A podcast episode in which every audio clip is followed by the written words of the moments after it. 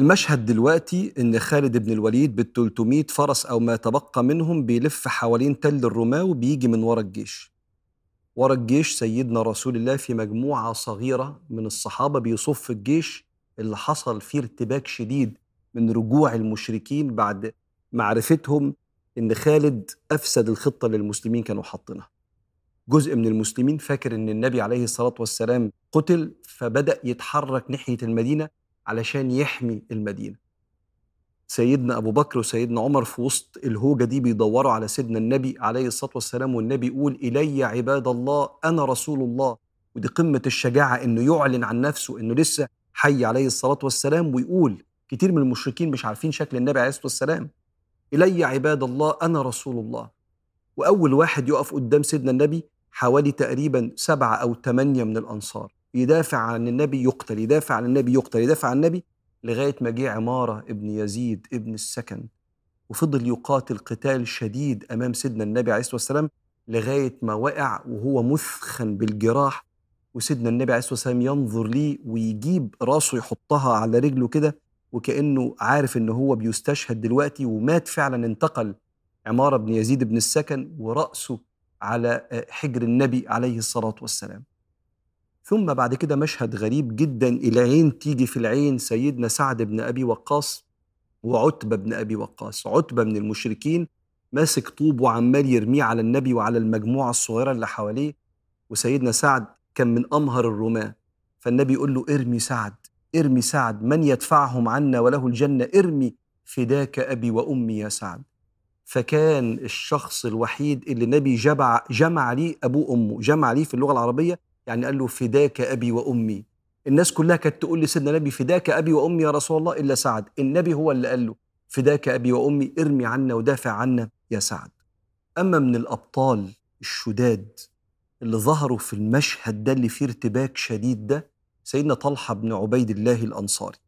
كان واقف حوالين سيدنا النبي عليه الصلاة والسلام وعمال يحط جسمه قدام جسم النبي ويقول له يا رسول الله اخفض رأسك حتى لا يصيبك سهم. نحري دون نحرك يا رسول الله. انت رقبتك تسوى الدنيا كلها والآخرة. أما أنا فأنا واحد من رجالتك. نحري دون نحرك يا رسول الله. وقام حاطط إيده كده قدامه فجه سهم أصاب إيد سيدنا طلحة فشلت إيد سيدنا طلحة فسماه النبي في اليوم ده طلحه الخير. الخير كله عندك أنت يا طلحة.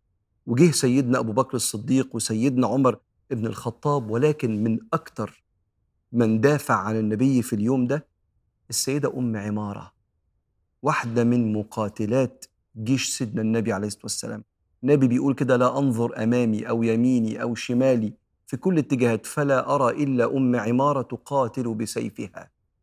وفي وسط القتال وسيدنا النبي بينظر ليها بمحبة ومباركة إنك أنت بمئة راجل زي ما الناس بتقول تقول له يا رسول الله أدعو الله لي أن أكون معك في الجنة.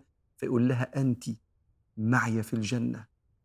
مفيش واحد كان حوالين سيدنا النبي عليه الصلاة والسلام إلا ونسي روحه في سبيل الحفاظ على نور النبي في وسط معصية الرماة اللي بسببها انقلب الحال وهيستشهد دلوقتي سبعين من أعظم خلق الله من الصحابة. لو سألت نفسك إيه ذنب الجيش في معصية الأربعين؟ يعني الأربعين عصوا وبقية الجيش السبعمية كلهم كانوا في منتهى الشجاعة والإقدام والتضحية. ليه يدفعوا ثمن معصية الأربعين؟ أول حاجة هقولها لك قف أيها العقل عند منتهاك. يعني ممكن ما تدركش الحكمة. فسلم لأقدار ربنا اللي أوسع بكتير من إحاطتك وإدراكك. لأنك هتشوف ده في حياتك. هتشوف في حياتك إنك أنت مسير في أقدار الله ومخير في رد فعلك معاه فأنت ذنبك إيه إن أبوك وأمك كانوا بيضربوا بعض وأنت صغير وشفت الكلام ده؟ ذنبك إيه؟ ذنبك إيه إنك طلعت في عيلة بسيطة ممكن تكون ما علمتكش؟ ذنبك إيه؟ ذنبك إيه إنك طلعت في عيلة غنية جدا وفيها طرف وشرب ذنبك إيه؟ أنت مسير في أقدارك اللي حواليك ورقة الامتحان بتاعتك إنك مخير تعمل رد فعل. هل هتبقى ضحية ربنا جوه في قلبك كده؟ ليه ربنا عمل معايا كده؟ فتتهم ربنا إنه ظلمك فتلاقي ربك بيرد عليك. إن الله لا يظلم الناس شيئا ولكن الناس أنفسهم يظلمون. ولا هتتحمل مسؤولية مصيرك وتقول طيب أنا عندي نعم في الحتة دي وعندي بلايا واختبارات في الحتة دي. في النعم هبقى شاكر وأدوق اللي حواليا من نعمة ربنا وفي البلاء هبقى صابر وأحاول أطلع من البلاء ده بأقل خسائر. ولما بتتعصر زي الليمونة كده بتنزل أحلى طعم. وساعات كتير ممكن تبقى في بيت الصرف فيه في الفلوس فيه تبذير وتتفاجئ إنهم في أرابيزك زي ما بيقول. أنت المسؤول دلوقتي إنك تصلح مشاكل حد صرف فلوس غلط وتسدد دينه أخوك ولا أبوك ولا وأنا مال أنا؟ ربنا بينفق لك فلوسك في أعلى حاجة ممكن تنفقها. وأنا مالي أنا إن إخواتي طلعوا بيتخانقوا وأنا بحاول أصلح ما أنا مالي؟ لا مش مالك.